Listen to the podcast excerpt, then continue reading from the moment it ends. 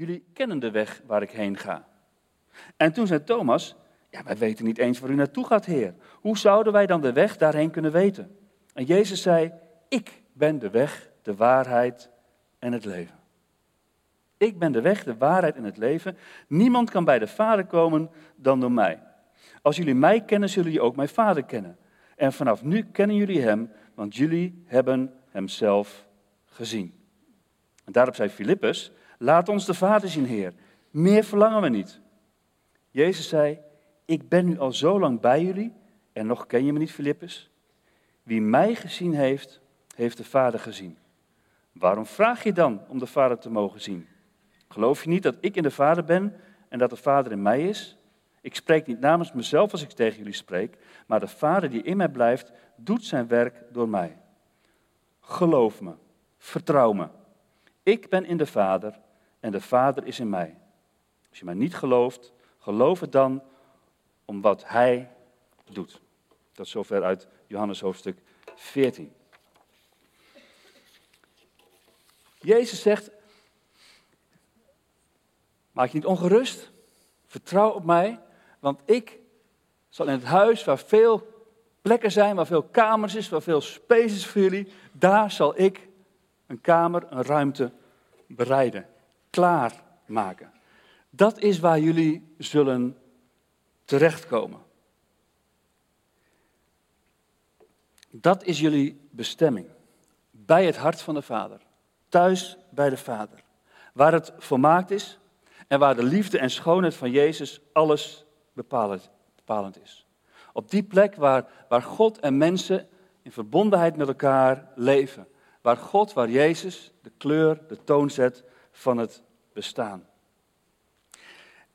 En dat, zeg maar, die plek die God belooft, dat bij het hart van de Vader, de bestemming, dat is wat Paulus ook zegt in Efeze, waar het ten diepste helemaal om gaat. En dat lezen we in Efeze hoofdstuk 1, vers 9.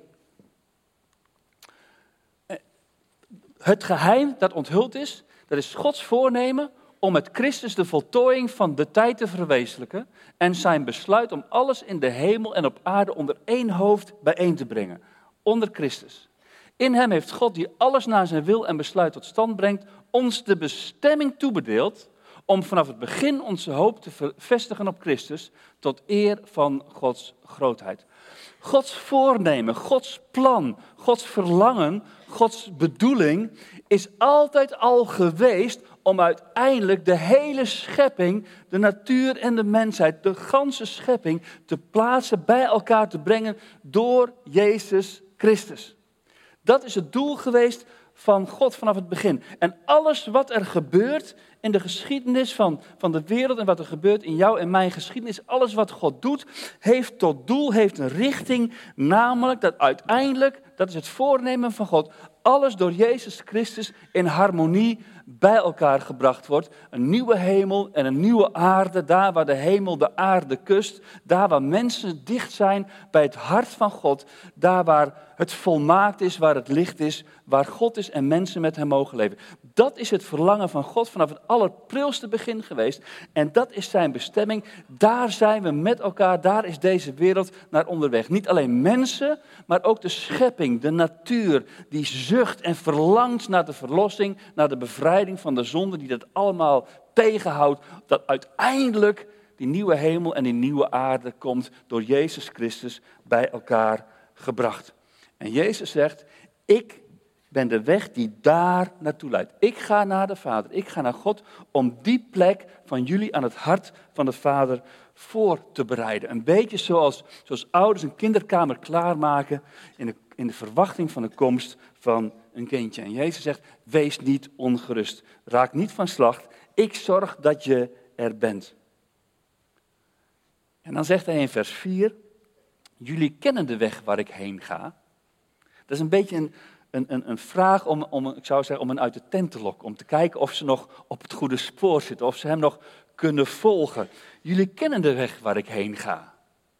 Toch staat er niet bij, maar zo klonk het wel. Hij lokt een gesprek uit. En ik denk dat het even stil wordt daar aan die tafel in die, in die kamer. Dat mensen denken, ja, weten we het eigenlijk wel? Hoe zit het nou precies? En, en Thomas die reageert dan. Die zegt, en laten we hem ongelooflijk bedanken voor de vraag die hij op dat moment stelt. We weten niet eens waar u naartoe gaat.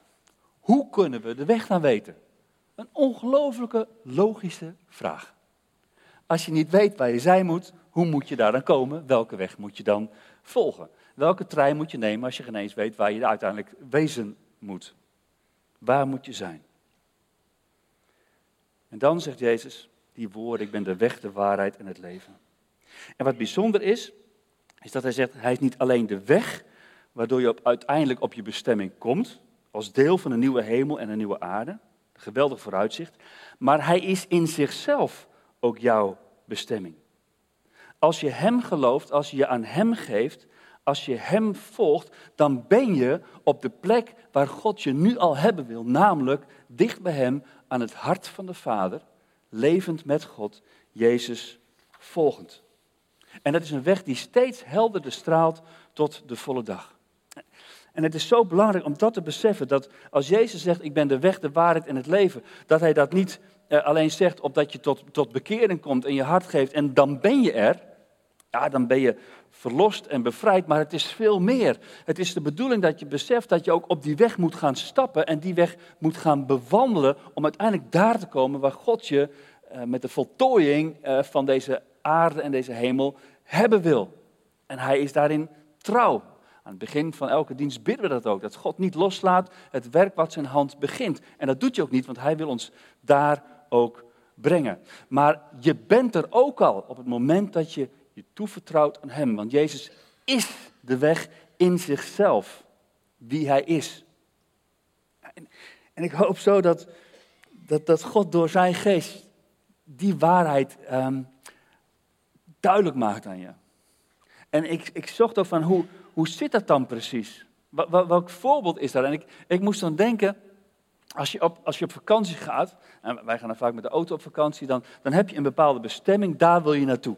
En Titske heeft het doorgaans uitgezocht en het is, altijd gaat dat goed en tof en dat wordt een mooie tijd, dat weten we zeker. Maar daar zijn we dan nog niet. Maar de vakantie begint voor mij al op het moment dat ik in de auto stap. Als we op weg gaan. Dat is de vakantie al. Ik ben er nog niet, maar die hele die auto en de sfeer in de auto staat in het teken van de bestemming. Daar gaat het om. Daar ga ik naartoe. Dus ja, ik ben al op vakantie, ondanks dat ik er nog niet ben. Ja, ik ben al op de weg, ondanks dat ik er nog niet ben. Ja, ik zit al goed, ondanks dat ik er nog niet ben. En het vraagt dat ik nu al in beweging kom. Zoals ik in beweging moet komen als ik ergens naartoe wil en de trein moet pakken. Of moet gaan schommelen zodat mijn telefoon opgeladen wordt. De weg die we gaan wordt gekleurd door de bestemming die we willen bereiken. En dat maakt me heel veel mee in deze, in deze wereld. We hebben het afgelopen week weer op het nieuws uh, gezien. Die demonstraties in Hongkong die er zijn, ongelooflijk. En bid daarvoor wat voor geweld dat barst en waar dat naartoe gaat allemaal. Maar mensen die verlangen ernaar om in vrijheid te blijven leven, om hier te zijn. En daardoor zijn ze van plan van allerlei dingen te doen om dat te bewerkstelligen. In, in Bolivia, alle betogingen die er zijn. Of mensen die zich zorgen maken om het klimaat. Die kiezen nu al voor een bepaalde levensstijl. Die maken nu keuzes opdat uiteindelijk die aarde een leefbare planeet zal zijn. Dus gaan op de weg van Jezus betekent dat je nu al keuzes mag maken. En vanaf het begin was, God, was dat Gods grote verlangen. Hij schiep de hemel en de aarde als kroon op de schepping. En hij wandelde in de hof. Er was harmonie tussen hemel en aarde. Dat liep allemaal in elkaar over. En God wandelde in de hof en Adam en Eva die huppelden rond, vrolijk te wezen en blij te zijn. Paradijs. Dat was wat God bedoelde. Dat was de weg die hij wilde dat mensen gingen samen met hem. En hij had gezegd, je moet niet van die boom eten. Want dat is een verkeerde afslag die je dan neemt. Dat is een verkeerde weg. En ze namen het toch. En vanaf dat moment is de weg die de mens gegaan is zonder God een doodlopende weg gebleken. Een weg die afleidt, verbrengt van Gods bedoeling, van Gods bestemming. Maar God zij gedankt, hij bleef ernaar verlangen dat de mens uiteindelijk hier terecht zou komen, bij hem. En zijn weg is doorgegaan. Zijn verhaal met de mensen is doorgegaan. Gods plan met deze wereld is doorgegaan. Daar is hij nooit mee gestopt. Omdat hij uiteindelijk wil dat alles door Christus verenigd wordt. onder Christus komt, dat er harmonie zal zijn tussen hemel en aarde. Gods plan gaat door. Dat is het grote plan van God met deze wereld. En dat is Gods grote plan met jouw leven, met mijn leven. Dat wij deel worden van Gods plan. Dat wij aanhaken bij Gods plan. Dat we deel worden van Gods verhaal met deze wereld. Dat we Zijn verhaal helpen schrijven. Dat we Zijn weg gaan, die Hij heeft bedacht om daar te komen. En dat vraagt vaak een andere manier van denken. Want heel vaak, laten we eerlijk zijn, willen wij God bij ons verhaal betrekken. Dat is op zich goed om dat te doen. Maar we vragen God of Hij de weg die wij gekozen hebben, die wij willen gaan, wil gaan zegenen. God is er voor ons. Het gaat ten diepste om ons verhaal. En God mag toevoegen aan ons verhaal. En als hij dat niet doet op de manier die wij fijn vinden, die we begrijpen, die we snappen, die we leuk vinden, die ons goed doet, dan vinden we dat niet tof en dan willen we liever dat ons eigen verhaal blijven gaan.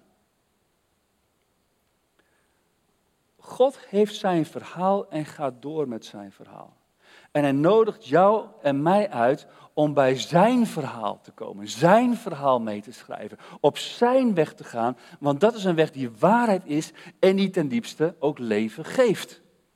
En als Jezus zegt, ik ben de weg, de waarheid en het leven, als Jezus zegt, volg mij, blijf heel dicht bij mij, dan heeft het te maken niet alleen dat je daardoor komt op de plaats van bestemming, die nieuwe hemel en de nieuwe aarde, wat een hoop, wat een perspectief, wat een geloof, maar ook wat een reden om nu al keuzes te blijven maken, elke dag, om heel dicht bij Jezus te zijn. Om te doen wat Hij van je vraagt.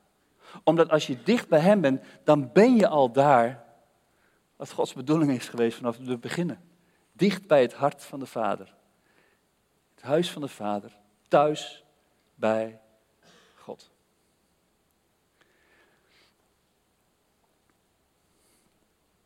En dat vraagt van jou en mij dat we dag aan dag, stap voor stap, die weg moeten leren gaan. En daarom zegt Jezus ook, volg mij. Want als je dicht bij mij bent, geef ik jou onderscheid en geef ik uh, mijn Heilige Geest steeds meer en meer, waardoor je de juiste keuzes kunt maken. Waardoor je kracht krijgt om het goede te blijven doen. Waardoor je meebouwt aan een wereld zoals ik het bedoeld heb van het beginnen. Daar hoef je niet op te wachten tot het komt. Eens zal het voltooid worden. Maar nu mag je dat al doen. Een nieuw gebod. Heb elkaar lief. Straks zal die liefde met God en tussen mensen onderling volmaakt zijn. Maar nu al zegt Jezus, een nieuw gebod geef ik u, heb elkaar lief. En elders zegt hij dat, je, dat elkaar moeten lief hebben, zoals de Vader en de Zoon, de Heilige Geest elkaar lief hebben. Nu al mogen we iets proeven van de liefde die dan ten volle zal zijn. En worden we uitgedaagd en krijgen we zelfs de opdracht. Het is niet optioneel, dat is een core business van elke christen van de gemeente, van een volgeling van Jezus, om elkaar lief te hebben. Dat betekent ook in het hier en nu dat je al zorgt voor datgene wat God aan jou heeft toevertrouwd. Dat je zorgt voor de schepping waarin, uh, die God gemaakt heeft waarin we leven. Want God wil niet alleen jou als mens redden, hij wil ook de schepping verlossen. Je kan twee kanten daarmee omgaan. er zijn mensen die zeggen, nou weet je wat, het wordt toch allemaal nieuw, wat maakt het uit, wat voor zooi we maken van deze aarde, laten we alles maar, laten maar vervuilen, want eens wordt het toch nieuw, heeft allemaal geen zin. Dat is heel anders dan dat Jezus het zegt. Want hoe jij nu omgaat met Gods schepping heeft absoluut invloed en betekenis. En laat iets zien van het respect wat je hebt voor de Heere God. En laat iets zien dat je beseft wat Gods bedoeling is. Dat je heel dicht bij Jezus bent. En dus ook zorgt voor datgene wat Hij gemaakt heeft en Hij heeft toevertrouwd. Dan is het niet maak het uit, dan maakt het wel degelijk uit. Want dat is de weg die God wil dat je gaat. Dat is de waarheid. Daardoor geeft het leven. Alles wat God doet, is daarop gericht. En die weg die je gaat met Jezus, dat is niet een makkelijke weg. De weg die Jezus ging was geen makkelijke weg. Van de hemel naar de stal. En van een stal naar het kruis. Als je Jezus volgt, lees in 1 Petrus 2, als je in zijn voetsporen loopt, dan heeft dat te maken met lijden, zoals het te maken heeft met Jezus lijden. Hij zei het tegen zijn discipelen, ik ben de weg, de waarheid en het leven. Terwijl hij op weg was naar het kruis, nog een paar uur. En het kruis zou zijn deel zijn. Het betekent dat je kan meemaken dat, dat het leven nu even niet zo tof is en niet zo leuk is, omdat je keuzes maakt anders dan je omgeving. Terwijl het hun allemaal voorspoedig lijkt te gaan. Dat is, vind ik soms heel frustrerend. Herken je dat? Je serieus met God probeert te leven en dat je allemaal moeilijke dingen meemaakt en strijd en of ziekte. En hoe kan het nou? Je gelooft in God en je maakt allemaal beroerde dingen mee, moeilijke dingen mee. En iemand die helemaal niet in God gelooft, dat lijkt allemaal maar voorspoedig en tof te gaan. Dat is niet eerlijk. Ken je dat? Nou, de psalmist wel. Asaf, die, die zegt er op een bepaald moment in Psalm 73. Dat vind ik, ik ben blij dat het in de Bijbel staat. Want die zegt op een bepaald moment, uh, vers 1, dus een psalm van Avas, hè, uh, ja, God is goed voor Israël, voor wie zuiver zijn van hart. Zegt hij, toch had ik bijna een misdaad begaan. Bijna waren mijn voeten uitgegleden op de weg die die gingen. Want ik keek met afgunst naar dwazen en benijde het geluk van wie kwaad doen. Tot hun dood blijven zij voor ziekte bespaard. Hun buik is goed gevuld. Aardse kwellingen kennen ze niet. Het lijden van anderen gaat aan hen voorbij. Daarom is hoogmoed een halssieraad en bedekt geweld hen als een mantel. Hun ogen peilen uit van het vet, van eigen waan zwelt hun hart. Ze spotten, spreken kwaad en dreigen vanaf hun hoge zetels. Ze zetten hun mond op tot aan de hemel en hun tong roert zich vooral op aarde, overal op aarde. Met andere woorden, ze trekken zich niks aan van God en het gaat hun goed. Dat is niet eerlijk. Maar dan komt hij tot de conclusie in vers 16, want je moet thuis met die psalm lezen. Uh, dus bleef ik nadenken toen hij het allemaal zag. Ik wilde weten waarom het, was, waarom. Het was een vraag die mij kwelde. Tot ik Gods heiligdom binnenging. Tot ik Gods heiligdom binnenging. Tot ik dicht bij God bleef en, en, en met God deze vraag ging doorakkeren. En erover ging bidden en nadenken en vroeg of God antwoord wilde geven. Tot ik Gods heiligdom binnenging en mij hun einde voor ogen bracht. En wat zegt hij dan? Ja, u God zet hen op een glibberig pad en stort hen in een diepe afgrond. In een oogwenk is het met hen gedaan. Hun ondergang, hun einde is een verschrikking.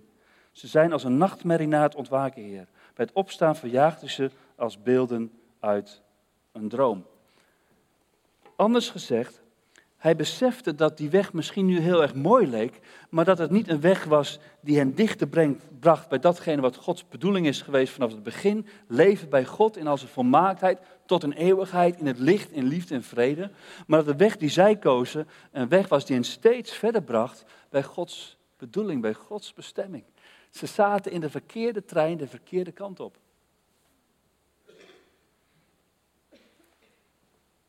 Psalm 37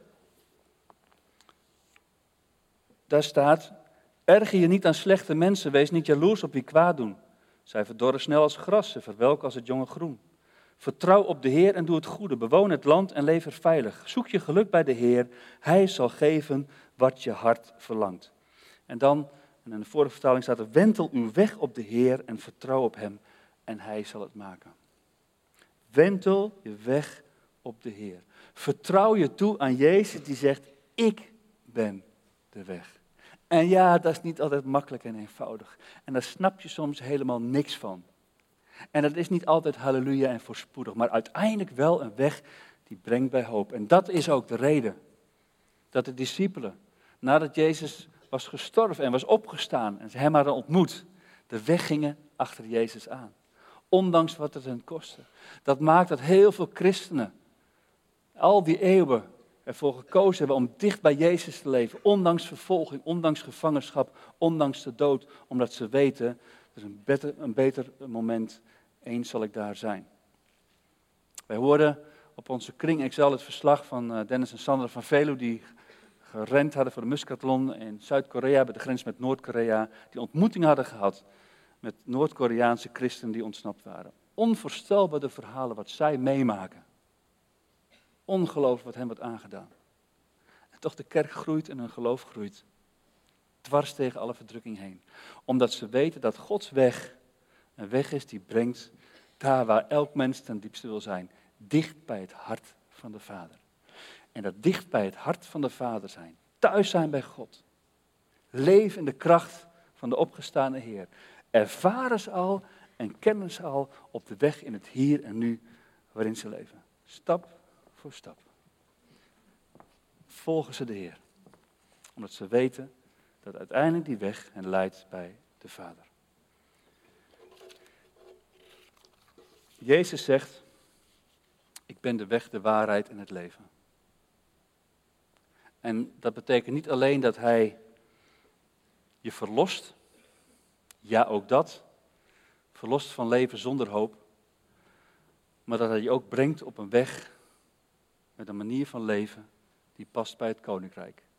A way of life, een levensstijl die past bij datgene wat eens komen zal. En daarom zongen we met elkaar en gaan we nu ook weer zingen, Heer, wijs mij uw weg. Mag ik u voorgaan in gebed? Heere God, Heer Jezus, dank u wel dat u de weg bent, de waarheid en het leven. En dat als we u kennen, we de Vader kennen. Want niemand komt tot de Vader dan door u. Dat is een behoorlijk exclusieve uitspraak, maar u heeft recht om het te zeggen, want u bent God. U bent de Vader. Heer, we bidden dat we ons leven ook steeds meer toevertrouwen aan u. En dat we onze hoop niet alleen vestigen op datgene wat komen gaat, ja ook, maar ook dat u in het hier en nu ons wil geven wat we nodig hebben.